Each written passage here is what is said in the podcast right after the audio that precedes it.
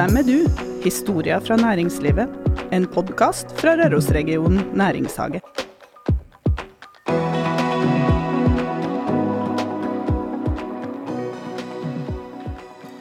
Første september 2022. Det er kjølig ute, blå himmel og strålende sol. Og dere kjenner igjen musikken vår. Vi har kommet langt ut i podkastperioden vår. I dag så har vi besøk av Ragnar Harper, som har tatt over nordpå fjellhotell i Haltdalen, eller i Ønum, sammen med sin kone Siri. Men Kristin, hvorfor i all verden driver vi med podkast i Næringshagen? Vi driver med podkast, så vi kan bli bedre kjent med dem som har, eh, driver næringsliv i regionen vår, og sånn at uh, næringslivet kan bli bedre kjent med hverandre. Terskelen for å samhandle, ta kontakt, blir kanskje litt uh, lavere, og man blir mer nysgjerrig. Det er jo ganske spennende å høre historiene til folk, syns du ikke? Jo, jeg syns det. Ja, jeg syns vi har lært veldig mye på de episodene vi har hatt så langt. Jeg er veldig enig i det. Så, så skjer det alltid litt overraskende ting, eller du blir kjent med folk på nye måter. Ja, Og så blir folk litt varme i trøya, og når først det ene ordet tar det andre, så kommer det litt forskjellig etter hvert. Det er utrolig mye dyktige folk rundt omkring Ja, det er det. som jobber hardt. Og som går inn i litt skarpere tider, tror jeg. Men her har vi Ragnar Harper. Og han og hans kone jo gikk til det skritt å kjøpe nord på fjellhotell. Fortell om hvorfor dere kjøpte det, eller når, i hvilket øyeblikk ble beslutningen tatt? Oi, det går rett på beslutninga her, jo. Det var jo en eh, I 2020, under eh, pandemien, eh, så hadde vi jo sittet hjemme på hjemmekontor som alle sammen veldig lenge. Hadde en drøm som vi hadde med oss kanskje fra vi bodde i Indonesia, om å ha en resort en gang, hvor folk kunne komme og senke skuldrene. Fant en annonse på Finn om en plass vi aldri har hørt om før. Dette var nordpå og lå litt sør for oss. Eh, vi dro da dit med, i september, altså to år siden nå, 2020, og fant det nordpå. Eh, Beslutninga eh, ble vel det egentlig tatt veldig med hjertet der og da, at det her var noe vi ville. Mm. og den endelige beslutninga ble vel tatt en liten måned seinere. En sånn som deg, som eh, jeg spurte deg her om dagen, vi hadde et møte i en annen sammenheng, og så spurte jeg deg eh, Ja, du driver med nord på fjellhotell og reiseliv, og det reiselivet vi snakka om, da. Og, du, og så satt du sammen med kona di, og så sa du Og så spurte jeg ja, hvor mye jobber dere i Microsoft, da? 120% sa du. Da tenkte jeg det var 60 på hver, men det var 120% på hver. så jeg lurer på hvordan i all verden rekker dere å drive hotell? Ja, det er jo det er et godt spørsmål, det også. Og det var jo eh, Du må ha et veldig sånn der eh, skal jeg si, systematisk tilnærming til akkurat det. For hvordan du skal Når er på hvilken jobb, og hva skal du gjøre? Så eh, jeg er veldig sånn der rigid på å slå av telefonen, f.eks. Sette meg i jobb, få gjort ting. Og så går jeg og kikker på telefonen med alle de tapte tingene der seinere. Så du må jo velge bort noen ting. Eh, Jeg er nok ikke helt oppdatert på det siste av TV-serier og det som går der. Um, Men eh, jeg tror at hvis, eh, hvis Ellen Musk greier også å drive tre eh, si store organisasjoner som endrer verden, så burde det gå greit å kombinere Microsoft og Nordpå ganske lett. For, du må jo fortelle mer om det. Den her ekstrajobben på 120 i tillegg til nordpå. Mm. Ja. Nå eller etterpå? Nå, tenker jeg. Altså for folk, dem som hører på, det er jo ikke sikkert de vet at uh, vi har en sånn Microsoft-guru, teknologi-dude, sittende i studio. Det blir en hovedsak. Ja. De vet det ikke. De vet det nå.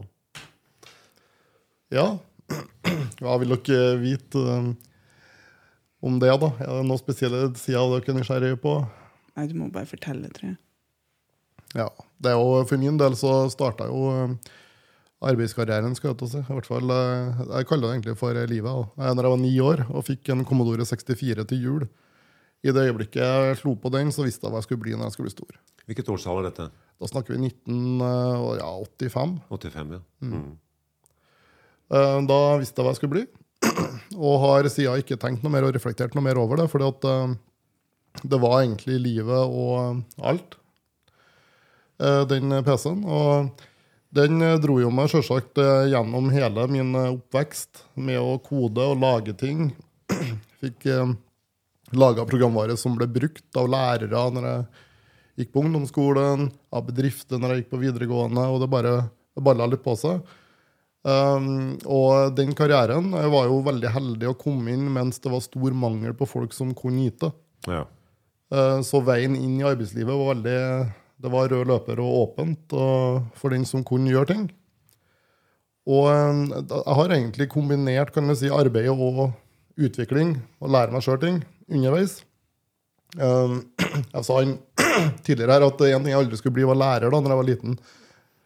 Og det at jeg ikke skulle bli lærer, det ble en overraskende når jeg starta på Næringsakademiet. Og da snakker vi sånn her 97. Uh, da skulle jeg bli systemansvarlig på Næringsakademiet etter at jeg hadde studert der. Mm. tre måneder inn så slutter han som er lærer på IT, og så blir jeg da lærer også på IT-fag på Næringsakademiet. Og elsker det. Syns det er veldig gøy. Det er i Oslo, det. Det er i Trondheim. Ja, det, er det er, Ja, det var på Ramkloa i Trondheim. Ok. Fordi du er eh, trondheimer. Jeg er fra Melhus, da. Jeg er fra Høllunda i Melhus. Og så, så, når du var 16, så programmerte du et oppfølgingssystem for pen, pengeinnsamling til Russland. Ja, det, var, for det var andre tider. Hva var det Russland trengte penger til da? Nei, Det, det kommer jeg ikke på engang. Det var, ja, i hvert fall at det var en kroneinnsamling, og så skulle de holde oversikt over hvem gitt var. Det var dårlig med russere da, skjønte jeg. Ja, det var akkurat da. Og verre har det blitt. Ja. Hvis de hører på, så hei og hå. I samme tidsrom så utviklet et bookingsystem for Hølonde Auto Reisebyrå. Det gjorde du også. ja. Ja, og Under førstegangstjenesten så jobba du med radarsystemer. Var assistent for radaroperatørene. Og så ble du lærer på Næringsakademiet fordi læreren slutta. ja. Ja. Kort fortalt. Det var sånn det starta. Mm. Og så ble det etter det så ble det jo en eh, lynkarriere med mye e- egen eh, selskap innenfor IT, før jeg endte opp i eh, Crayon, som er en sånn eh, norsk IT-leverandør, og videre i Microsoft i 2011. Hvor mange selskaper har du starta? Eh, det blir tre selskap, da. Tre AS-er. Ja.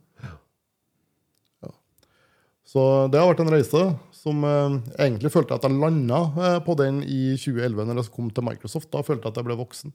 Ja. Eh, alt det før det følte jeg var Fordi Microsoft var profesjonelle på et ekstremt nivå. Ja, det var som å spille i lokalserien på fotball, kanskje også opp i Champions League.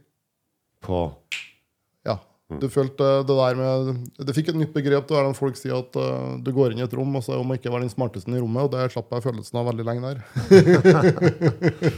Ja, men Det er godt å høre. Er Microsoft verdens mest verdifulle selskap, eller er det Nei, i disse tider er det vel eh, kanskje Amazon? Nei, jeg tror Microsoft nå De har gått og kniva ganske lenge, da. Eh, Men jeg tror kanskje Apple er over nå. Men du har jobba både i Amazon og Microsoft.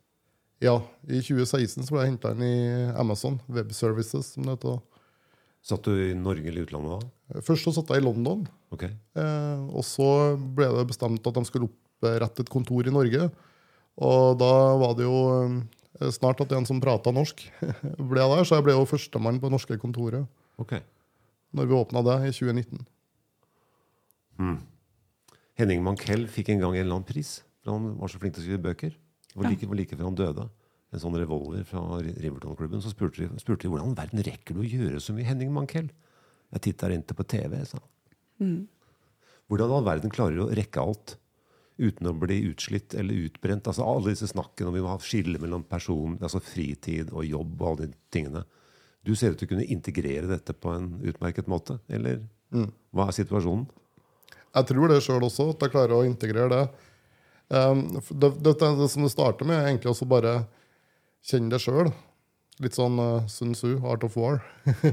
um, men det at du kjenner deg sjøl og vet hva du sjøl blir brent ut på, og ikke hva som gir deg energi, hva som tapper deg for energi. Mm. Det er ganske Ja, vanskelig, det. ja, men det er kjempe Jeg skjønner veldig godt hva du sier. For da klarer du også å integrere de her ladepunktene. Og det kan jo sies når du er på nordpå, for eksempel, og jobbe fra nordpå. Når du starter morgenen med å se utover de fjellene der med en kaffekopp, eh, da har du lada ganske bra batteriet. Toppa opp batteriet. Mm. det gir energi. Så det å vite hva som gir energi, og hva som tar energi, hva, hva som forbruker, og hva som genererer, eh, det er ganske viktig. Hvor langt har vi kommet i den digitale revolusjonen? 10% til vei, 2% til vei eller 70% til vei? Ja. Og det spørs hvor langt eh, frem du kikker, da, eh, tenker jeg. For det at, 50 år, da. Ja, vi er nok eh, det, Om vi er på 20% så er nok det kanskje å ta i for mange. Mm. Vi har en lang vei å gå. Hvor forandra blir verden for menneskene? I hverdagen? Mm. På jobben? Og Det er også et uh, veldig spennende spørsmål, og flere scenarioer som jeg tenker er mulig ut av det. Og det er jo noen av dem som er litt sånn dysfunksjonelle og mørke. Mm. Uh, og spesielt hvis vi menneskene ikke tar tak i det, Mhm. og lar teknologien utvikle seg sjøl. Eh, for det kan jo komme i en tilfelle hvor det skjer også. Mm. Hvis vi snakker om et, eh, at eh, vi klarer å skape en generell kunstig intelligens, f.eks. Med generell en som er allment eh, sånn som hjernen vår sjøl, kan lære nye ting og se eh, sammenhenger utover Ja. de smale områdene de gjør i dag. Da skjønner mener. Mm. Eh, så, så eh, kan det bli ganske dysfunksjonelt hvis vi da stoler blindt på den. Og hvis vi kombinerer det med en eh, VR-verden, eh, med en virtuell realitet eller virtuell virkelighet, som eh, kan skape og gi oss det vi vil, der du kan lage din egen boble og leve i den bobla, da er det kanskje lite grunn å forlate sofaen. Mm. Det gjelder jo mange dager også. Ja. Jeg skulle si, hva er det viktige grepet for å unngå å, at vi går ned den veien? Da, mm. Og det er også, syns synes jeg, et veldig jeg synes det er veldig spennende da, eh, spørsmål. Um, og det er litt sånn, Der har vi en jobb å gjøre. eh, men jeg tror det, det verste er hvis vi slipper taket og lar teknologien ta over, overhånd. Eh, det er viktig at vi på en måte holder igjen det som er ekte og reelt og virkelig. Det var jo Stephen Hawkins av siste ord før han døde. Det eneste han var ordentlig ordentlig redd, det var jo kunstig intelligens. Og vi har sett evig nok filmer hvor kunstig intelligens tar over. Ja. Jeg tror Hvis man ikke er redd for det, da velger man å se veldig positivt på alt. Ja. Er det, en, er det idealisme kontra realisme? Jeg tror det er- nok det. Jeg tenker jeg litt, i hvert fall. Er jeg sier ikke at eh, kunstig intelligens kommer til å være et problem og kommer til å være farlig. Det tror jeg er i vår, det er i vår makt da, som mennesker, het, om det skal bli det eller ikke. Men jeg tror vi må være våken eh, når vi holder på med det. Også fordi at eh, det, det kan være at det som skader oss, da, det kommer ikke fra det vi tror som skader oss. Kanskje faktisk at det som skader oss, er vår egen iboende latskap. Mm. Ja, det, er sånn er det med alle dyr på jorden. Minst mulig arbeid, med enklest tilgang på mat. Eller på det du behøver for, for, for å leve. Har bodd, du har bodd mange steder i verden. Hva er den største forskjellen på å bo i Norge og det å bo i utlandet? Kanskje kan du skille mellom, for du har bodd i flere verdensdeler også. Det er jo litt interessant da, for oss andre som er litt hjemføinga. Ja, det er jo um... Du må jo nesten fortelle litt om eh, din reise rundt omkring i verden nå da først, for vi er jo så heldige at vi, vi vet om den. Good vi har jo lest om den. Men, eh, så du må fortelle litt om det først. Ja, Det første har bestandig vært glad i å reise, selvsagt, men gjennom både jobb og privat. Og så um, fikk vi da i 2011 muligheten til å flytte til Asia eh, og jobbe for Microsoft i Asia. Så det er litt sånn beskrivende, men eh, når sjefen ringte og spurte han hvilken by vil dere bo i i Asia, og det var sånn Singapore, og Manila, og Bangkok, og Kuala Lumpur og Jakarta, så sier jeg det til Siri, og så sier Siri liksom Jakarta, spørrende, eh, nesten som i hvor er det? Og da sa jo jeg selvsagt Jakarta. skal jeg bo i. Så i 2011 så flytta vi til Sånn tar man beslutninger. Jakarta. vi tenkte vel egentlig det at vi hadde ikke noe forhold til noen av de byene. eh, og at vi kanskje ville bli kjent med noe vi kjente minst. Eh, og da ble det Jakarta. Og det er jeg veldig glad for. Og det er veldig annerledes selvsagt på mange måter. Det, og det, det gir deg et nytt perspektiv på ting. Fordi at, um, for det første så erkjenner du det at folk flest i verden har det bra. Um, du lærer jo om at det er et fattig land du skal inn i. Det var jo sånn, Vi hadde jo med oss eh, litt mat og alt liksom, når vi reiste dit, for vi var jo usikre på hva vi kom til å, å møte. Og sånne ting, og så får du jo den eh, butikken med alt av eh, fantastiske råvarer. ikke sant? Og du skjønner det at maten kommer jo egentlig derfra, ikke fra oss. Det du spiser mye av. Mm. Men eh, sånn at du, du gjør deg opp det bildet om at folk flest trenger ikke å reddes. Eh, mer enn det du tror. Uh, og så lærer du det at eh, ting som f.eks. å leie en uh, boplass, det funker ikke likeens over hele verden. Sant? I Jakarta så betaler du gjerne to år up front leie. Ja. Og så lurer du på men hva skjer hvis det går sunt. Sant? Og det er jo Ja. Det, og det er jo et ukjent fremmed land, du vet ikke om du blir lurt. Så du blir litt mer ydmyk på det at det finnes mange måter å gjøre ting på som er annerledes enn hvordan vi gjør det, Ja. og som også fungerer. Men eh, jeg tenker verden Og det som er, det som er så fantastisk, synes jeg, er at menneskene, når du blir kjent med dem, er veldig like. Det som driver oss som mennesker, og det som vi skaper oss som mennesker, det er veldig likt. Og det er veldig godt å se. Det er uavhengig av religion og kjønn og alder. Å, så deilig å høre. Åh, nydelig. Og den reisen var, dro jo til, dit, naturligvis, til Jakarta, da vi jobba i hele Asia-regionen. Og så um, kom vi tilbake til Norge, og så jobba jeg litt for Telenor. Og da jobba jeg så mye for Telenor i Asia. eh, Myanmar og Ja. ja, Bangkok og ja, ulike plasser der. Og så kom Amazon, og da endte jeg opp i London. Og det var jo også fantastisk. London var en by jeg ikke likte som turist. Jeg hata London som turist og tenkte at off, nei, må jeg bo der? Og så tenkte jeg Ja, Det er tungt, det er et hardt liv. Ja. Ja, helt fryktelig. var, Men eh, når jeg forlot London, så må jeg jo si det at eh, jeg hadde endra totalt syn på London. Jeg er veldig glad i London. Jeg hadde jo gjort den store tabben å håndtere London som en by. Men det er jo et sammensurium av mange byer. Eh, og når du bare endrer refleksjonen på det at en bydel der kanskje er det som du betrakter som en by, så ble livet mye enklere i London. Hvilken bydel bodde du i? Nå bodde jeg jo sentralt da, i London. Eh, City? ja, jeg, jeg, Nesten. jobb- ja, nesten helt på grensa. E1. Okay. Så Hvor mange pubkvelder hadde du i uka når du var i London? da snakker vi Du må, snakke, du må snakke sant nå. Går det an å si at det er et annet arbeidsliv også? Hvor man eh, faktisk eh, avslutter dagen da gjerne på puben. Man gjør det. Og, det, og der du møter folk, det er der du på en måte lærer ting å kjenne. Så det ble jo noen pubkvelder i løpet av uka. Det ble fem dager. Ja, Det ble i hvert fall fire, og så fly hjem til Trondheim på ja, fredag. ja, du var hjemme i helga, ja. Så vanligvis i London så er folk på puben i hverdagene, så, tar, så hviler de i helga. Ja. Det er, noe, det er ikke noe fest på lørdag. Da må man hvile. For det har vært ei jævla hard uke. Og det husker jeg på når jeg jobba i Siemens, da, så var jeg en tur over og jobba der. Og da var, gjorde jeg jo den store genialtabben med kleskode. For jeg stilte jo på jobb i T-skjorte og dongeribukse, som man gjør i Norge. Ja. Noe som noen gjør i Norge. Ja, Som jeg gjorde da. Ja. Ja. Jo. Og det gjorde ikke folk på kontoret i London. Der var dress. Så det var ut og kjøpe seg dress, og så skulle vi jo møtes på grillfest på kvelden. Og da tenkte jeg nå skal jeg dresse meg opp. Nå skal jeg ikke jobb. og, og der står alle sammen i T-skjorte og shorts. And the winner is Ragnar. Hvorfor i all verden heter du Harper? Eller Harper på norsk? Ja, etternavnet har vi jo med fra Skottland. Ah. Så det var en, yes, det var en eh, helt i nord, en plass utenfor Wick i Skottland. eh, hvor en Alexander Harper reiste ut sånn i 1805. Han fant seg en eh, dame på ja, det var Orkanger, i hvert fall i det området.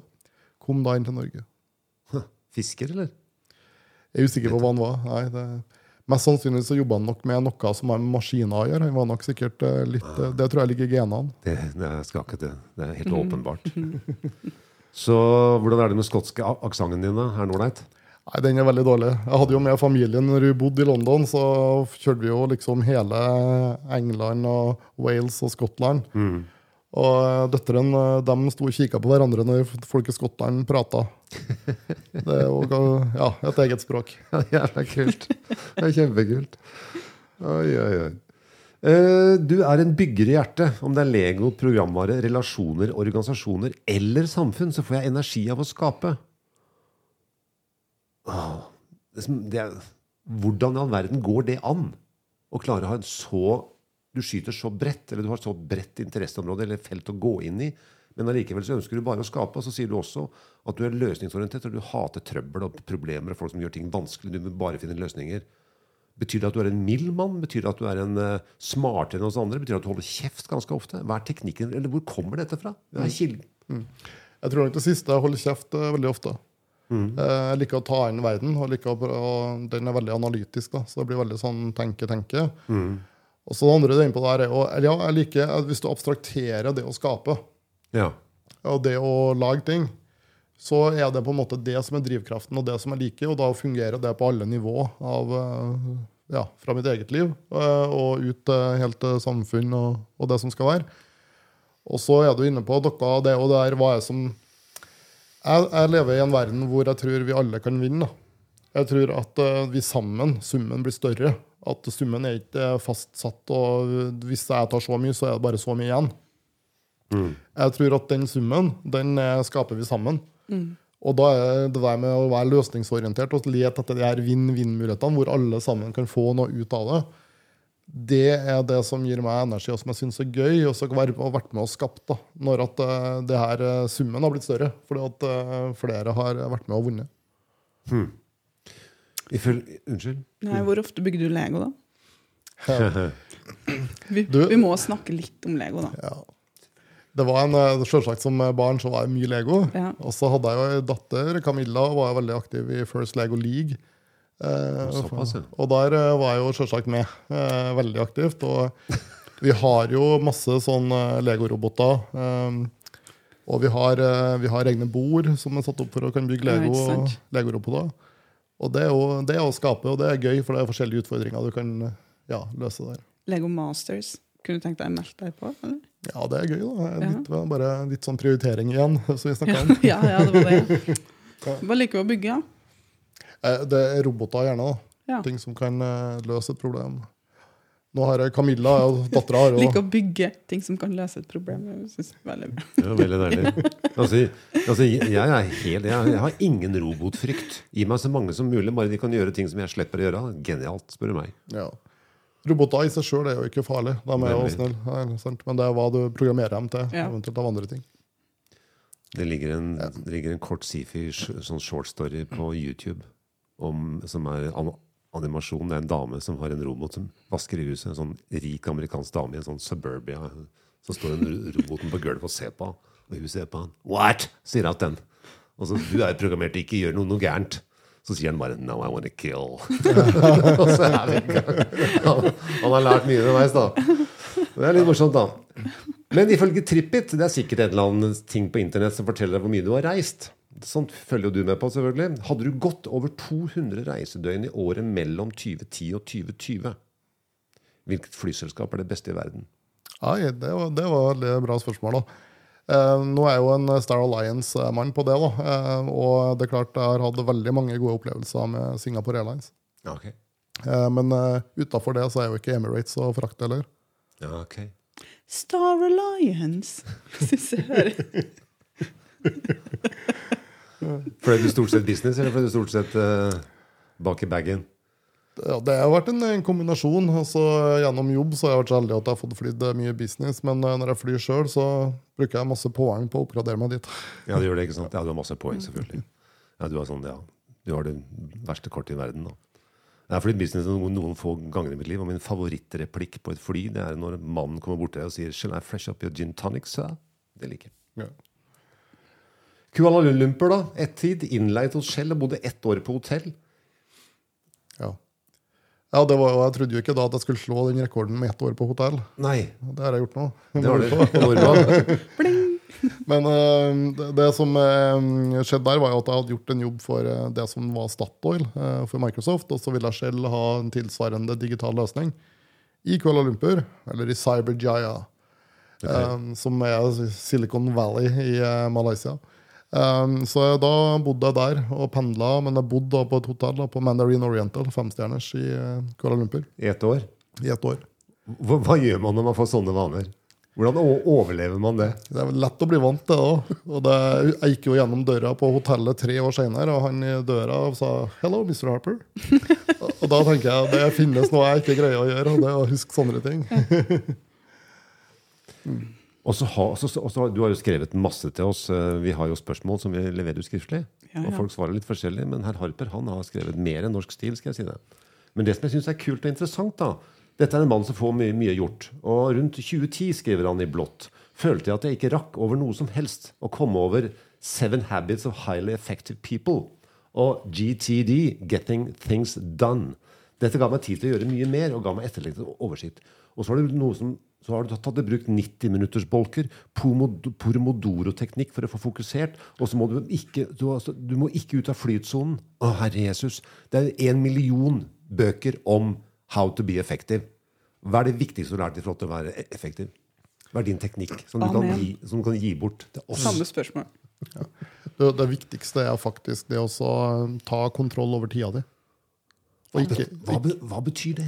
Du For meg så betyr det f.eks. så enkle ting som å blokkere tid, slå av telefonen.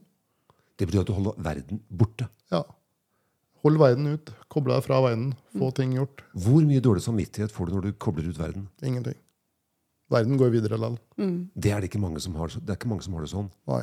Eh, Det er ikke sånn eh, for mange. Men eh, det du- var, det var ikke sånn til meg til å begynne med heller. er ikke sant? Det er noe du har lært deg som er smart. Ja. Men jeg tenker, Og det er jo en lærdom som nødvendigvis ikke bare kommer av seg sjøl. Så du har jo sikkert eh, reflektert en del rundt det. Ja, jeg tror kanskje det som har hjulpet meg, er at jeg har brukt mye tid i fly. Eh, Og Der slår du jo av telefonen og gjør alt Ja, det der. Og når du lander, så kommer jo meldingene og kommer jo de tingene som trengs å komme frem. kommer jo frem. Mm. Så hvorfor ikke ta i bruk det at du er på fly, da? Ja. Ja. Eh, Når du også skal få gjort ting. For det, Hvis du skriver programvare, kode, eller du sitter med en kreativ prosess, eller du sitter med et tungt dokument du skal få gjort Det tar i hvert fall meg da tar det 20 minutter å komme inn i sonen hvor jeg er skikkelig produktiv. Og det er én telefon da, så tar det meg 20 minutter igjen. Ja, og da kommer jeg aldri tilbake. Da ligger jeg bakpå. Eh, Hvis jeg bare fritar meg fra det, så klarer jeg kanskje også å sitte der i 90 minutter og gjøre en produktivt stykke arbeid. Den her omstillingstida den er en vesentlig del av eh, arbeidshverdagen. altså Fra det ene til det andre. altså Den omkoblinga. Det, det, Det var er det- ikke strømlinjeforma, det. Ikke i det hele tatt. Det var det som var den åpenbaringa i 2010. da. Ja. At jeg brukte altfor mye tid på å komme inn i flytsonen, så ble jeg avbrutt. Men hvordan, re, eh, hvordan reagerer du når du da skrur på igjen, og liksom hele verden bare kommer trykkende inn? Nei, det, det som har blitt annerledes med internett og hvordan jeg bruker ting, er jo det at jeg oppsøker mer ting når jeg vil ha det, enn at jeg lar de tingene komme til meg. Ja. Uh, og det betyr jo Jeg har veldig få sånn plingvarsel på telefonen og på alle de tingene her. Uh, jeg tror, jeg synes jo For mange så ser det ut som at telefonen er dop. Mm. Selv om de kjører bil, så kan ikke de holde fingrene unna telefonen. Tror du det er rett i? Uh, og det er også på en måte ta kontroll over det, og ikke la det bli en, eh, ja, en faktor som tar bort tida di. På sett og vis så opplever jeg gjennom det altså, Han fikk en Commodore 64 da han var ni år. Da visste han hva han skulle bli. Jeg har sett altså, noen I aviser, i helgeaviser så er det alltid intervju med et eller annet interessant menneske. Uh, der kunne selvfølgelig du vært, og om det var Aftenposten eller Dagens Næringsliv eller hvor som helst. Men Han er jo så heldig å være her med oss. Ja, han er så heldig å være her med oss. Men det jeg tenker, er liksom altså, øh, Det å klare å gjøre det du gjør, men samtidig, det som skjedde da du var ni år, det gjorde at du ble en fri mann. Ja. Kjenner du deg igjen i den påstanden? Jeg kjenner meg igjen i den påstanden. For at eh, jeg ser jo senere hvor mye tid folk bruker på å finne ut hva de skal bli. Ikke sant? Og den friheten som jeg fikk da, den gjorde at jeg trengte ikke, å, jeg trengte ikke å tenke noe på det. Jeg kunne bare fokusere på det jeg skulle gjøre. Og så tenker jeg også, jeg har jobbet både i offentlig sektor og privat sektor, jeg bruker det som eksempel fordi det er, handler om følelsen av, av frihet. For jeg tenker dette med effektivitet på jobb. Altså det å skape verdier, som du da driver med i veldig stort monn, for mange, også nå i vårt lokalsamfunn, på Nordpå Fjellhotell, så tenker jeg eh, hvordan du, kan du klare å gi den energien til de menneskene som føler seg ufrie på jobb? Altså kommer klokka åtte, går klokka fire, du har akkurat den lønna, du har en litt halvdårlig sjef, du, blir, du må, jeg må på det møtet, du må sitte og høre på alt pisspratet, du, får, du blir tatt ut av sonen fem ganger om dagen før du ikke får gjort det du skal. Ikke sant? Er det mulig å overføre den type frihetsfølelse du har, inn i et arbeidsliv, om det er offentlig eller privat sektor? Ja, det tror jeg. Jeg tror um, det er alltid uh, mulig. Um, og uansett hvilken endring man prøver å dra, så, så starter den jo der man er. En realitetsorientering og finne ut hva er det som faktisk da gjør at jeg uh, har det kjipt. Um, og så tenker jeg at du starter med å finne ut den ene tingen som er det største problemet, og så jobber du med den. Og, og hvis den ene tingen er veldig stor og veldig komplisert, så må du bryte den. Det er noe der det går an å starte med. Eh, Så jeg tror alle sammen har muligheten til å påvirke innenfor sin egen sfære hvordan det ser ut. Og så handler det litt om hvordan man, eh, hvordan man velger å se på verden. Er jo, kanskje har jeg lært meg til at eh, ikke det er nødvendig at alle har samme mening som meg. Jeg har det veldig bra, selv om andre mener noe annet eh, enn det jeg gjør. Eh, For det er ikke viktig for meg å ha at alle skal mene det samme. Også det å ha det likeens. Så jeg tror hvis man bare aksepterer litt det, og så prøver man å finne ut innenfor sin egen sfære hva er den ene tingen jeg kan gjøre som gjør at jeg får det litt bedre, og så bare begynner å gjøre det, og så gjør man det som en vane. Jeg tror jo det er sånn at eh, Sånn som du sier, at det det trenger ikke nødvendigvis å være så veldig store grep heller.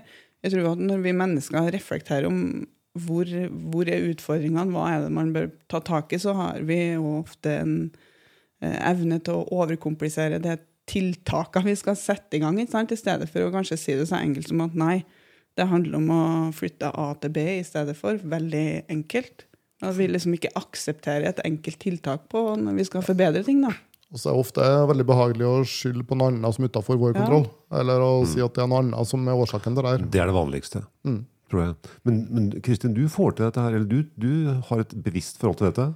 Eh, Slik jeg, slik jeg oppfatter det? Ja, da, jeg, tenker nok en del på det, men mm. om jeg, man Mm. Mer enn de får, fleste. får til det, ja, det skal jeg absolutt Nei, ikke påberope er meg. Men man, man tenker jo på det, og jeg syns det er veldig interessant det her med at ofte så kan det òg være ganske enkelt, treng, du trenger ikke på en måte revolusjonere veldig mye for å gjøre en, et veldig positivt bidrag inn i noen ting. Jeg kjenner når dere snakker og jeg ser på dere når dere sier det. Jeg føler at altså, du lever det du sier, slik jeg oppfatter det, da, ved å se på deg når du sier det. At det er en type sannhet. Jeg opplever at du også gjør det i stor grad. Og jeg gjør det liten. Jeg overkompliserer. Det er et helsikes mas. Ja, det er det, vet du. Åh, jeg blir så sliten av meg sjøl noen ganger. at jeg bare daue. Og tror jeg skal liksom, Ja, ja. ja. Det, hvis noe er veldig vanskelig, så er det sånn at du kan jo eh, tenke og planlegge rundt hvordan du skal håndtere det. Men hvis du mentalt lever gjennom det mange ganger før det egentlig har skjedd, kanskje det aldri skjer, da blir det, da eh, blir det bare verre. Ja, det har du rett i. Mm. Jeg tenker veldig ofte la det være enkelt. For at du, liksom- man vil jo veldig gjerne gå den andre veien innimellom. Ja. Men så er det noe med å la det være enkelt innimellom òg. Men jeg kjenner at noen ganger liksom det å få en høy nok kvalitet, det krever at man går i dybde. Så noen ganger så må man liksom bare gå i bånn for å få det bra nok. da. Det er min greie. Men samtidig så vet jeg, hvis jeg legger en plan Jeg vet hva som virker. Men dybde trenger jo ikke å være vanskelig. Altså, det, tre, altså, det det, det, det. betyr jo ikke Men det, det må integreres i hele kroppen. Jeg må, jeg må kjenne at jeg er ferdig. ja. Ja, er, Jeg, jeg tenker det finnes to typer eh, sånne valg da, som er kompliserte. Det finnes det som Nå bruker jeg sånn Amazon-språk, da, som jeg har lært der, men det er enveisdøra. Så når jeg har gått gjennom døra, så er det veldig vanskelig å få opp igjen den døra. Mm. Og så er det toveisdøra svingdør, som du lett bare kan rygge deg ut igjen av. Hvis du bruker mye tid på toveisdøra, eh, som ja. du egentlig bare kunne ha Ja, ja. reversert, så har det vært greit. Det er egentlig ikke noe grunn til å bruke tid på. Mens enveisdøra må du bestandig ha brukt litt og være veldig trygg på før du går gjennom ei enveisdør. Ja. Fordi at når den slår igjen, så får du ikke den opp igjen.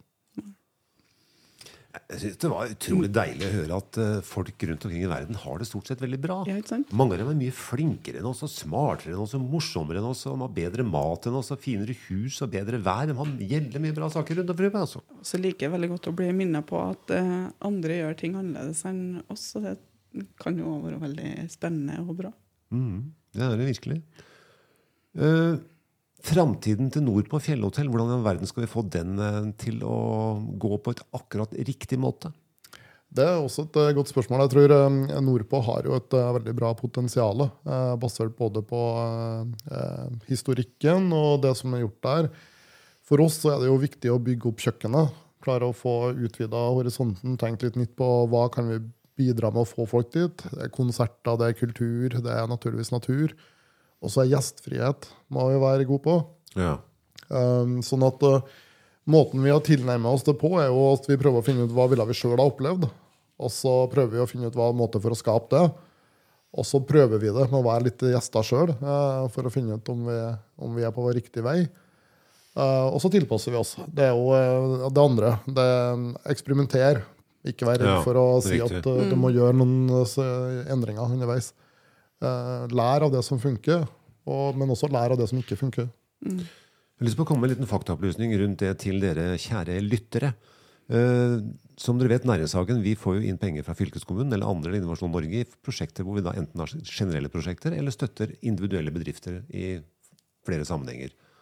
Eh, nå har vi et eh, prosjekt, digitaliseringsprosjekt som går fra fylket med støtte fra fylket, hvor vi har med en del reiselivsbedrifter i regionen, bl.a. nord på Fjellhotell. Og, det er, eh, og da er vi veldig glad for at dere er med, med den erfaringen dere har. Kan ikke du gi et sånn lite glimt inn i den der lille, den der våte drømmen din om den der AR-VR? Bare en liten en. Det som eh, er at eh, Nordpå ligger jo en plass med veldig mye historie. Altså, du har selvsagt karolinerne, du har andre verdenskrig, du har mye landbrukshistorikk og mange ulike ting der. Og det som du sikter til her, det var noe som jeg har lyst til å gjennomføre um, på et eller annet tidspunkt. Eh, men det er rett og slett det at du kan bruke telefonen din uh, ut der til å dra den opp, Hold den imot uh, rundt der, hold telefonen, se gjennom kameraet Se karolinerne komme gående opp akkurat der de kom gående opp. Se f.eks. et flydropp. Men du ser det gjennom linsa av i, dag. Så det betyr at det er en app som ligger til telefonen din. Så når den gjenkjenner et landskap, så snurrer den film Ja. fra 1940 eller 18 eller 17. Men den, over den, så du ser den sammen med at du ser dagen i dag. Ja. Tøft. Nesten gratis, tror jeg. Jon Kurt snakka jo om eh, for lenge siden om litt det samme. F.eks. være i ei rensamling ved at du bruker mobiltelefonen og få et forhold til det, eller på ei seter, eller ja. Det ligger nok eh, mange spennende muligheter Ja. på digitalisering rundt opplevelsene. Ja, jeg er veldig enig at det er kjempespennende. Men vi var jo også vidt inne på det her Du snakka om det her mulige dysfunksjonelle samfunnet som vi absolutt ikke vil ha. Mm, Hvorfor er det sånn at folk tror mer på det de finner på internett, enn i virkeligheten, tror du? Eller noen gjør det, da. Oi. Det, der eh, det har jeg kanskje ikke noe godt nok svar på. Jeg, men jeg har reflektert litt over det. der. Ja, jeg har satt og tenkte på det her i går. Eh, Fordi at eh, Ofte så skjer det jo det at folk tror jo gjerne på ting som man kanskje ikke klarer å bevise eller få noe fakta på. Men du kan jo også få noen hypoteser på hva som skjer. ikke sant? Altså Spesielt på internett da, så kan jo noen poste det kan være hva som helst. noen poster, Og så blir det sant da, for det har blitt spredd så mange ganger uten at det kanskje det var noe fakta i det i utgangspunktet. Det er jo derfor vi har sånne faktasjekkere og vi har alle de her tingene som skal gå og si om det her er sant eller ikke. Men på en eller annen måte så tror jeg jeg, jeg, forstår det ikke, men jeg tror da, at mange har behov for å tro at verden ikke er sånn som den ser ut. Eh, du ser verden, du tar på verden, men det kan ikke være sånn. Det må være noe mer spennende bak det her enn mm. virkeligheten. Um, så eh, En betydning, da. Er, er det som slo meg, at er det litt sånn Er internett den nye egendefinerte religionen, skulle du si? interessant. Det har jeg ikke tenkt på. Det er ganske smart. Det tenkte jeg på i går kveld. Men eh, ja. Men, men det, det som slår meg også, er jo at, eh, at uh, i vår I den tiden vi er i nå, da, så glemmer veldig mange som skriver om verden, eller ser på verden, eller er i medieverden, eller er på fjernsyn, eller lager program eller filmer, de glemmer at de er mennesker. Og dette mennesket vi nå er, det er omtrent identisk med det mennesket som levde for 40 000 år siden. Altså i forhold til hjernen og alle systemer og tarmer og mat og alt sammen. Så liksom, det glemmer vi. Så det, det gikk en sånn liten serie på BBC om fem familier. altså en Løve, gepard, eh, sjimpanse og noe annet. Og hvis dere går inn på BBC og ser på den timesprogrammet om en sjimpansefamilie i Vest-Afrika, så, så får du se hvordan det er å være menneske. Du ler deg i hjel. Det er Pettersen og Hansen, og det er alle er til stede. Altså. Og de gjør, men, men de, de har ikke noe filter. Så de bare gjør tingene. vet du. Ja. Ok, akkurat som oss. Og nå gjør vi jo tingene igjen. Det er i forhold til drap og helvete Ja. i verden. Det er ikke så lenge siden. Og liksom, det var slutt og borte, ikke sant? Ha-ha, sier jeg. Nei, det, altså Når du ser det dysfunksjonelle, og du ser at vi har kanskje kommet oss kanskje gjennom en pandemi, forhåpentligvis, altså det er krig og det er masse elendighet som skjer, så kan du jo lure på hvor, mange, hvor langt fram ligger vi. Ja, vi er mennesker bare på jorden akkurat nå som før. Men jeg, ja. Nei, uff, ikke Det var litt trist, det, Ja, det, kanskje. ble, det Ja. her blir dystopi. ja, det ble det. 14 års gamle jenter og gutter som sitter på rommet sitt med VR-briller og lever i en avatarverden. Ja Det går gærent. Ja, nei, det er skremmende. Det hopper vi over. Og hvor skal vi da avslutte? Lett og ledig. Jeg sier det. Hvis det var herr Harper. Lett og ledig. Morgendagen. I dag. I ettermiddag, da. Hva, Hva i all verden skal vi gjøre? hvor er det største mulighetsrommet til denne regionen her?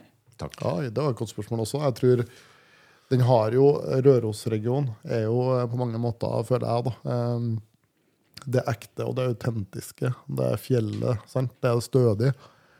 Eh, Det er som et merke som står eh, fjellstøtt skal jeg si, i hele Norge og utafor Norges grenser også, til dels, kanskje. Så det å så på en måte ta den styrken vi har, og bygge videre på det, det tror jeg er viktig for, eh, for regionen her.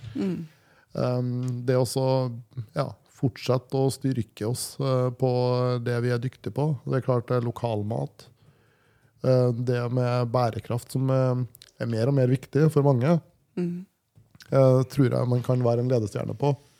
Og vise vei eh, gjennom det at man forholder seg til det er ekte.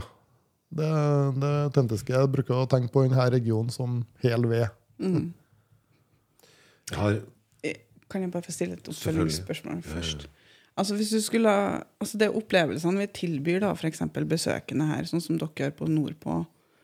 Hvis vi skulle ha tilført dem opplevelsene, noe som har gjort dem først i sin klasse eller helt unik, hva hadde vi kunnet ha tilført dem da?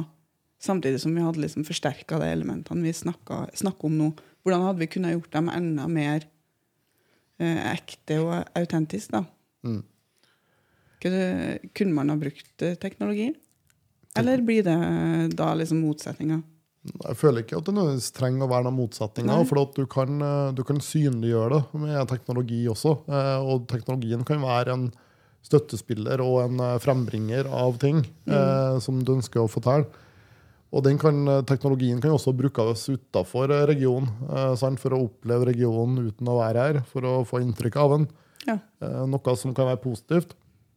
Um, og den kan også gi ekstra informasjon om det som er oppe her når man først er her. At det faktisk eh, gir en merverdi til den som er gjest her, eh, for å oppleve det på turisme. Eh, Så det er ikke noen motsetning tenker jeg, på det å bruke teknologi og det å være ekte og eh, genuin. Um, Det, det henger godt sammen. Så er det klart det er en eh, fin balansegang når du begynner å legge filter på alt ja. for å få det til å fremstå annerledes. Da er det kanskje ikke like ekte og genuint mer. Nei. Fordi det, det går midt inn i Jeg har brukt de siste dagene i front til et eh, digitaliseringsprosjekt rundt reiseliv. Da. Så jeg leste gjennom tre undersøkelser. Gastro, gastroturisme, merkevareundersøkelsen og den siste fra Destinasjon Røros, som er en reiselivsundersøkelse som er ganske fersk, 2021-2022. Og det som, en ting som overraska, som jeg husker nå akkurat når jeg snakker om det, er at en, eh, hver tredje jobb er, kommer fra reiselivet vårt. Det er ofte glemt. Eller jeg har i hvert fall ikke det langt framme i panna. Og det er en veldig bred, bred gruppe bransjer. Alt fra handel til seng til servering til opplevelse. Til, så det, er, det er en ganske stor verdikjede da, som involverer masse mennesker. Så det skal vi jo jobbe med, Ragnar Harper. Ja. Og opplevelsesbasert turisme det er også tror jeg mye vi kan gjøre mer av i regionen også. Jeg er veldig enig. Så, mm. Og så må vi ha høy kvalitet. Høy kvalitet, og så må det overraske positivt til dem som kommer. Det må være noen elementer Ja. av overraskelse Det må eh, mm. Da var vi midt i et prosjekt. Oh, ja. Ellers så må jeg jo bare si at jeg anbefaler alle å dra til Nordpå og ta en prat med Ragnar og Siri. Eh, fordi at eh, vi vet jo mer som vi ikke har fått snakka om. Og det er jo så mye spennende, tenker jeg. Nordpå er flott, og de folka som driver det, er jo helt super. De har faktisk bygd om en låve, kjære dere som liker musikk, med verdens feteste stereoanlegg, hvor du kan sitte i et kjempestort låverom som er nyrenovert og lukter godt. Så kan du sette deg i en stol og kan du høre på Mendelssohns femte symfoni i en og en halv time aleine. Og så tror jeg det er perfekt for bedriftssamlinger. Er det Ja. Ja. ja. Og sist gang jeg spiste en burger der, så spurte servitøren akkurat når jeg tok første biten altså, Han spurte på engelsk, han snakka engelsk. Liksom, Hva syns du om maten? Og jeg bare sa «Åh». Han er på da. Han burde ikke spørre noe mer om det. da Så Burgeren der er genial, bare så det er nevnt. Kommer fra Røroskjøtt. da Spesialdesigna for nordpå. Herlig. Alle er velkommen til Nordpå. Jeg syns det er så vanskelig å ikke bli litt sånn uh, den her blå karakteren når vi snakker om teknologi, for det er så mye jeg ikke forstår. Da blir jeg litt med en gang sånn hmm, jeg- Jeg får veldig behov for å tenke, kjenner jeg. Ja, det er vanskelig. Ja, det er vanskelig, altså. Jeg kom, ble involvert i det digitaliseringsprosjektet i 2019 på høsten. Og jeg skjønte jo ikke en dritt. Det var ikke mange andre som gjorde det heller. da. Men eh, jeg har brukt lang tid på å skjønne, og når jeg spør hvem som helst hva, hva er digitalisering, en person som jobber i et næringsliv, så ser de på det, og så er de redd for å si noe feil. da. Og så vet de at de bruker noe av det. Og så, altså, ja, Det er både dybde og bredde, og det er kanal, og det er teknologi, og det er kunnskap, og det er masse masse ting. og Det er et komplisert begrep, altså. Og det er jo eh, både konseptuelt og abstrakt. Så kan man jo prate om det veldig ofte også når du begynner å spørre folk om hvordan ser det ut i praksis. Da, så- da er det et kjempegap mm. for hvordan eh, det kan implementeres. For det er mange av de mulighetsbildene som høres gøy ut, er sikkert Ja. er mulig, men når du faktisk gjør det mulig, så er det mange hindringer i veien. Hvilken, Ja. hva syns du er det digitale Hva i den digitale verden syns du er det aller beste i ditt liv? Det må jeg Nei, det klarer jeg ikke å svare sånn på. Nei. Det vet jeg ikke. Er du? Altinn. Altinn? Mm. Ja, ok. Det gjør verden så ufattelig mye enklere. Du slipper papirer og ringe 13 revisorer og regnskapsfører. Alt bare er der. Ja. Og du får beskjed hele tiden. Og så bare svarer du, så er det i orden. Jeg liker værmeldinga. Den er ikke digital, Kristin. Nei, ok. Nei, ikke sant. Eh, Ja, hvordan nei, jeg husker ikke. Værmeldinga i gamle dager var så viktig. Det Nei, men på jeg har den jo på telefonen. Ja, Ja, nei, har den er ikke digital. Jeg- Nei, ja, nei, okay. ja, ja, det vet jeg, ja, det skal ikke jeg si. Nei, Jeg har ikke snøring. Men det er jo en av de duppedittene på telefonen min som jeg bruker oftest. i hvert fall. Er værmeldinga. Ja, Yr.no. ja. Ok, da er vi på to statlige holdt på å si, Kart, da. kart. Ja. Ja. ja, Det er deilig. Ja. Fortelle hvor du er, hvor du skal, Ja. og hvor lang tid det tar. ja. Og ja, Ikke gå i det myrhølet og sånn. Ja. Ja, det er smart. Jeg tror Har du spurt noen som har vært syk, så er kanskje alt den teknologien som legene og det på sykehusene har å hjelpe seg med, som faktisk redder liv, og som eh, er med å stille diagnosene mye raskere enn før. Hjelper å ta ut eh, den biten. Det har litt på å si hvor Er det den hverdagste teknologien? Er, det, er det Tinder, eller er det Netflix, eller er det Ja. en app? Ja. Eller er det på en måte hva teknologien som helhet har lagt til grunn for at vi klarer å få til? Hvis du tenker videokonferanser, ja. hva betyr det for en uh, småbarnsfamilie som Ja. eh, kanskje nå kan jobbe på hjemmekontor, som ikke har vært mulig å jobbe på hjemmekontor før? Det er ikke deilig å ha en ekspert på området, Kristin? Jo, det er det. Som bare kan bare Ja, Bare renner ut av den. ja det gjør det. Det er veldig bra. Jeg fortsetter, men det var det var egentlig det. Egentlig det. Kjør på. Nei, det var, det, var, det var mer det jeg tenkte, at eh, det har litt med perspektivet vårt å gjøre, Ja, hva som er bra teknologi og ikke. Men for deg, da? Samme spørsmål til deg. Det er ganske banale ting, egentlig, men eh, det at verden er mye mindre. Ja. Verden, teknologien kobler verden sammen, som gjør at uh, hvis jeg skal ha en uh, samtale med en venn i uh, Indonesia eller USA, eh, så kan jeg ha en videomøte eh, med veldig høy klarhet. Eh, og det tar man nesten for gitt da, i dag. Men du skal ikke så mange år tilbake Nei. før det var en umulighet. Det må jo være veldig gjeldende for deg som har barn i andre Det er det første som kommer i Ja. hodet mitt. En sønn som flytta hjemmefra da han var 17 og var hjemme om så vidt det var, mens han bodde i Canada resten av den, den hele store ja. av livet. Ja. Men han bor ikke bare i Canada, han bor i, på Baffin Island, ikke sånn, i Arktis Canada. Og så kan vi ringes på FaceTime. Ja. Så ser vi, og sitter vi og ser på hverandre og snakker sånn. Det er akkurat som å snakke med nesten i stua. da. Ja. Det er det nærmeste vi kommer. Det er mye bedre, i hvert fall. Det er mye bedre. Ja. Du, man får en helt annen nærhet. Det blir ikke så mye sorg i det. Det blir litt mer sånn dagligliv. og Halla, åssen går det? Og, og fikk du tak i reinsdyret du jakta på i går? og Skøyt dere den hvalen? Og sånn. Det er sånne ting vi snakker om. Da. Det, det andre er hvis du eh, familie som studerer i Australia, sender dem penger med revolut eller noe sånt, så kan, kan de ha pengene tilgjengelig umiddelbart. Ikke sant? Eh, sånn dagligdagse problemstillinger når du, verden blir mindre. Mm. Men det liker fortsatt aller best å se inn i bålet. Ja, da. Det er fordi Kjære det er, det er, herregud, natur er Og det som overraska meg på en av disse undersøkelsene, jeg tror det var gastroundersøkelsen eller den andre altså Gastronomi, unnskyld, gastro betyr jo magetur. Jeg var på tror sykehuset du sa gastroundersøkelse. Sa jeg, jeg sa, jeg sa det. Jeg husker at det ja, Ja, ja, ja, ja. Og, hallo, det er fordi gallemlæra er borte. Praise the Lord, halleluja. Teknologien fiksa det òg. Men eh, hvor var, hvor var jeg? igjen? Jo, det var natur. Det var veldig mange reiselivsfolk. Liksom, det var jo mat er fint, og alt mulig, hoteller og alt mulig. Men natur det var pinadø helt opp på andreplass, Ja, på 72% Så natur er kjempeviktig for de som er her. Ja. Og vi utnytter det så dårlig. Ja. I Sødalen, En av de vakreste dalene i verden. Jeg elsker stedet vi har vært før. Jeg kan gå i, liksom bare ligge der og bli kjent og ligge i samme lyngen og hvile og snakke med en fra i fjor. og sånn. Men da når du kommer innover dit, så går du forbi en samme gamle sameboplass som vi prøvde å restaurere, jeg og kompisen min, men samene svarte aldri på henvendelsen, så den står bare og faller ned. Der er det grønt ennå. Jeg tenker på den familien som bodde der da på 1800-tallet. ikke sant? Jeg synes det er fantastisk. Og så kommer det til en bekk, og da drikker jeg. Det er blitt ritualet. Da drikker jeg en kopp vann. Og så går jeg 150 meter, så drikker jeg en kopp vann av den neste bekken. Den første bekken renner til Aursund og ut til Fredrikstad. Den andre bekken renner i Gaula ut til Trondheimsfjorden. Akkurat på vannskillet. Det er en fin tur. Ja. Folk betaler sikkert for å komme dit og drikke to bekker. Ja, kanskje. Nei, men natur er i hvert fall De fantastisk. betaler for det med den historien der. De gjør det. Ja, det er jo nettopp eh, Det er vel kanskje ikke naturen man betaler for, sånn som du sier, men det er det man opplever i naturen. Ja. Det er det. Det er Ja. opplevelsen du bygger rundt det. Ja, det er konseptet du leverer som en del av en naturopplevelse, hvis du skal gjøre business ut av det. Jeg kunne, når jeg går forbi noen ganger der, så kunne jeg levd livet mitt i den samekoia, blitt 60 år og bare drive med rein. Ja. Jeg tror jeg kunne klart det helt fint. jeg tror det ville vært et fantastisk liv. Det tror jeg.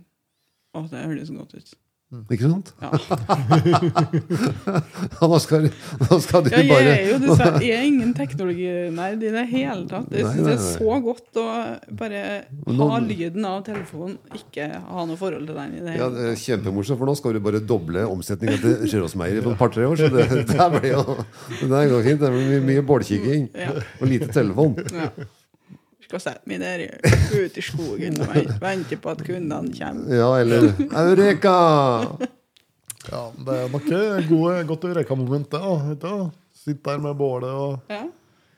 Er det ikke ofte sånn at de beste ideene kommer eh, på de mest eh, ja, uplanlagte ja. stedene? Fordi at da får du roen.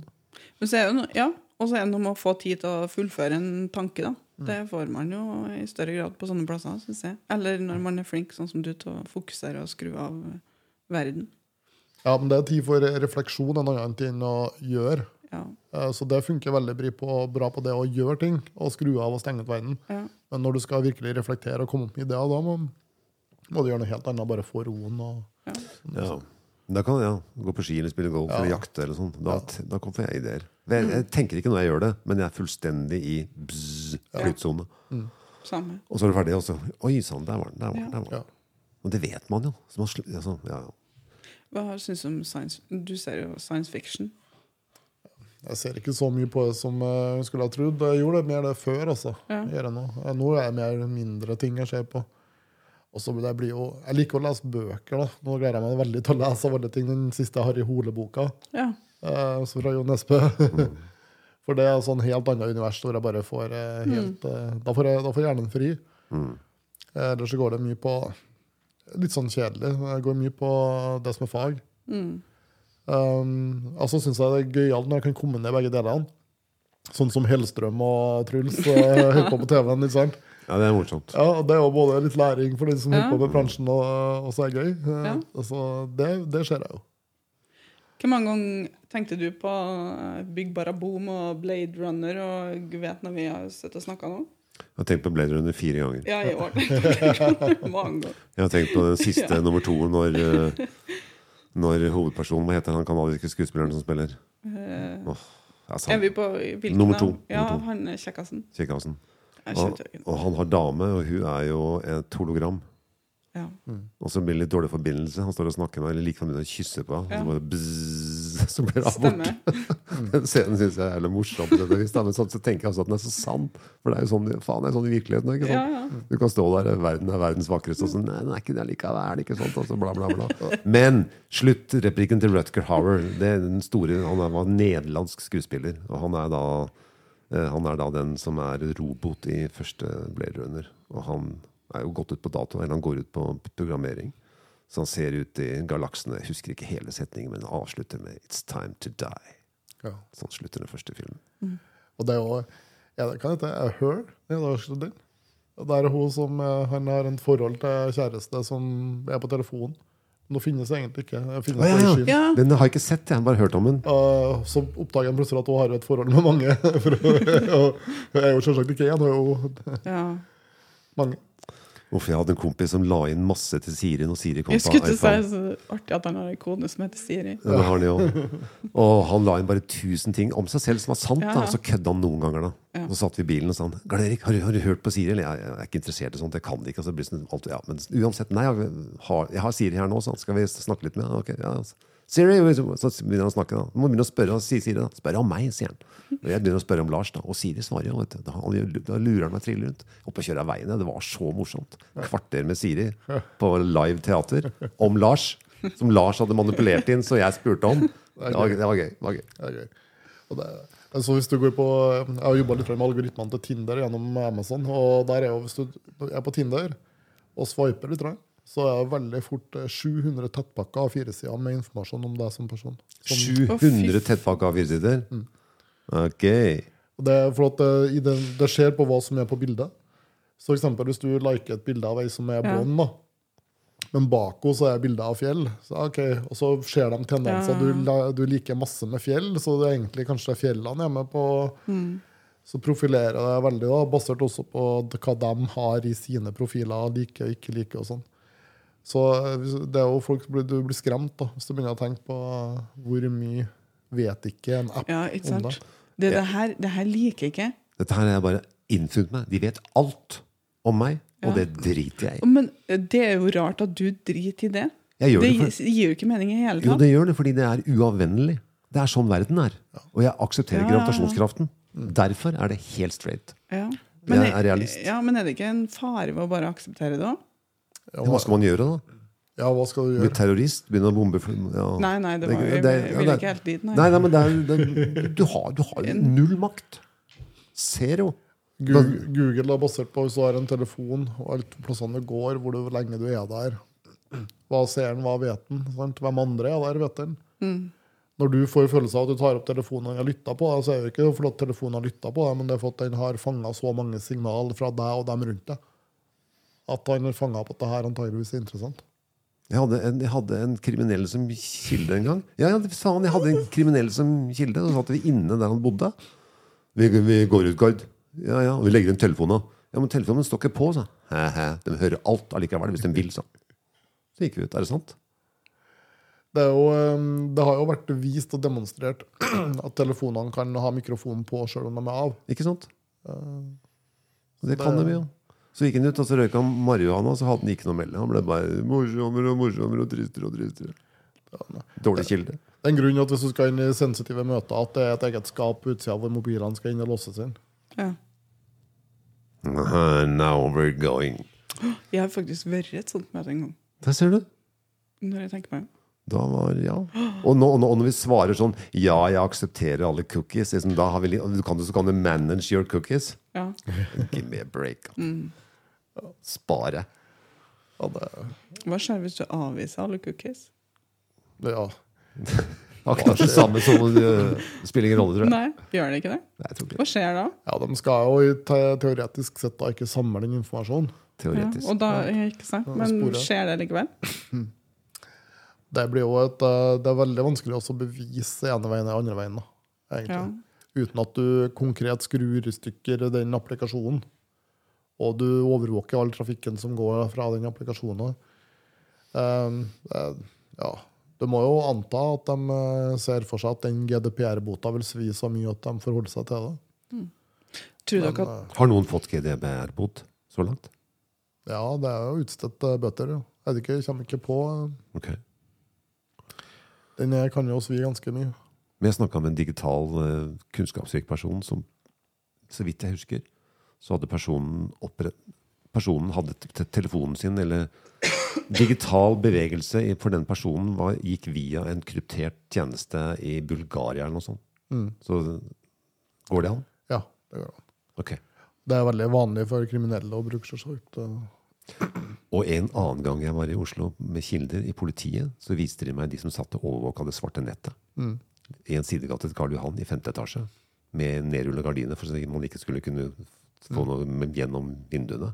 Jeg satt til sju stykker. Da kjente jeg på sånn i. Og på vei dit så var det et rom for hver av eiendommene på Karl Johan og rundt, som driver og blir kjøpt og solgt hele tiden. Og hvem eier det nå? Det er arabere og russere. Hvis du skal holde et foredrag om digitalisering for folk som bor oppi her, hva hadde du snakka om da? Hei. Jeg tror, eh, Sånn ut ifra altså, Du skjønner jo omtrent tror... hvor i løypa de fleste ligger. Jeg tror jeg ville prøvd å finne noen tilsvarende plasser i verden som har ligget litt langt fram og gjort noe spennende. Og visst dem hva de har gjort. Ja. Uh, og så på en måte prøvd å Kanskje vist noen flere sånne eksempler. Så det her er oppnåelig, det her kan gjøres, det her er gjort. Sant? Det er noe her som man kunne Mm. gjort videre. For folk blir, for, eh, når de får se det, så blir det, skaper det nye ideer på hvordan det kunne vært anvendt. Mm. rett i. Eh, hvis du bare prater om muligheten, så er det vanskelig for folk å ta tak i den og gjøre den reell. Jeg har lyst på at dere og du og Siri skal ta andre samlinga på prosjektet. Ja. Bare så du vet det. Du har fått datoene. Ja. Så jeg, jeg, jeg bare bestiller, så er det gjort. Slipper å snakke Andre. mer om det. Jeg, får- jeg, jeg får jo ikke tak i den. Han skrur av telefonen hele tida. Ja, han, eh, han driver med Jeg har glemt hva det heter. 90 minutts sporka og Ja. porodomo pro, pro, Pomodoro. Pomodoro. Vet dere hva pomodoro kommer fra? Nei, men jeg har hørt det før. Tomat. Ja, Pomodoro timer. Det er den der du bruker når du lager mat. som du skrur på. Oh, ja. De så ut som en tomat i første hand, hvor du skrudde dem sånn. Pomodoro. Jeg tenker på en eller øgle. Komoro, hva da? Ko, ko, komodo. Komodo. Komodo, ja. Det er de som har gift i tennene. var jævlig hyggelig. Potato, En liten risp, så er du ferdig. Ja. Seven habits of highly effective. Hva gjør du for å være effektiv, Erik? Hva er din teknikk? Min teknikk er å legge en plan for hva jeg skal gjøre, og så sette meg og gjøre det. Men jeg må legge planen først. Hvis jeg ikke legger planen, så blir jeg ikke effektiv. Jeg skriver liste. Og starter med det jeg har minst lyst til. Ja, okay. er... Så du bruker GTD. Gjør jeg det? Det er egentlig liste Go to the I'm a heavy user of uh, GTD. Ja. Men det, når du setter sammen nå, det er, eh, vet ikke om du har lest den der Seven Habits-boka? Jeg har ikke gjort det. Nei. Og den er så enkel, den er så konkret, at uh, du, det er lett å adoptere. Og det samme med GTD, for han bare forklarer deg det at uh, du må bare samle alt i noen få innbokser. Ja. Uh, og så må du huske på at uh, det som er, uh, lyser imot deg som haster, ikke nødvendigvis er viktig. Nei. Ah. Eh, og du må bruke den tida til å klassifisere det. Er det her uh, haster det og er viktig, så er det klart da må du prioritere det. Men hvis det bare haster, hvorfor skal du gjøre det i stedet for det? Ja, men da skal du få en avrunding. Da, og når man er i tvil om hva man skal avrunde med, så, en, så eh, gjør så man bruk da teknikken å mekanismer om at det er en Når avrunding. delegerer du? Når skal Da du gjøre man nå skal vi avrunde. Skal vi telle til tre, da? Noen skikkelig veiting. Eh, vi Nei, du vil ikke det. Jo, jo, jo. Jo. Tett si at jeg føler noen ganger at jeg Skal jeg telle til tre? Ja. Vi skal ikke gjøre det sammen, da. Ja, det kan vi gjøre. Det jeg begynner å gå hva stridsmart. jeg har gjort, så jeg jeg så jeg ferdig. to, tre. Ha det. Da må vi runde av med det et jeg- felles- Å en bok, det er ganske Ha det. Men uh, når, når jeg tenker tilbake på den siste boka jeg skrev, jeg husker ikke at jeg skrev den. Gjør du ikke? Nei. Altså, jeg vet at jeg Nei, sitter der, ja, men jeg, jeg klarer Du ikke. klarer ikke å uh, føle minnet? Skal du si. Nei. det er sånn, tenker jeg sjans. veldig ofte på. At jeg ikke føler minnene. Jeg, jeg gjør det ikke. Det er flyt. Det er flyt, ikke Ja, sant? det er flytt. Fordi det er 290 sider, og hvert eneste ord må henge sammen med det, Det er som er på neste og på side 97. Ja. Ingenting kan være feil. Og så får jeg det til. Det er en helt fantastisk følelse. Det er flyt, Ja, for du er sånn så ja. der. Du er så der at alt annet er borte. Og da opphører tid. Ja, ja. Faktisk, jeg, jeg, jeg kan skrive i fem timer. Jeg tror det har gått et kvarter. Det hender. Jeg er faktisk borte i en slags seanse, eller en slags, hva heter det for man er i en, en transe, heter det. Ja. En transe. Men da er du også veldig produktiv. når du kommer ut. Og skriver alltid best. Nå Det er deilig. Er vi ferdige nå? Ja. jeg trenger en avrunding her, for at det her forstår jeg at vi må ha med oss alt. Må vi Jeg må ha en, jeg må ha en avslutning bare fra dere. Jeg må ta med alt det her. OK? Ja, så fint, da. Det er, det er genialt, det. Av, en avrunding. Ja, men da skal du få en avrunding. Da, og, og når man er i tvil om hva man skal avrunde med, så, så gjør man, bruker man teknikken med å snakke om at det er en avrunding. Da sier man 'nå skal vi avrunde'. Skal vi telle til tre, da? Eh, vi Nei, teller du vil ikke det. Jo, jo, jo. Jo. Tett delt til tre, du. Skal jeg telle til tre? Ja. Vi skal ikke gjøre det sammen, da. Ja, det kan vi gjøre. Å, så dritsmart. Én, to, to, tre. Ha det. Og da må vi runde av med et felles Ha det. Ha det!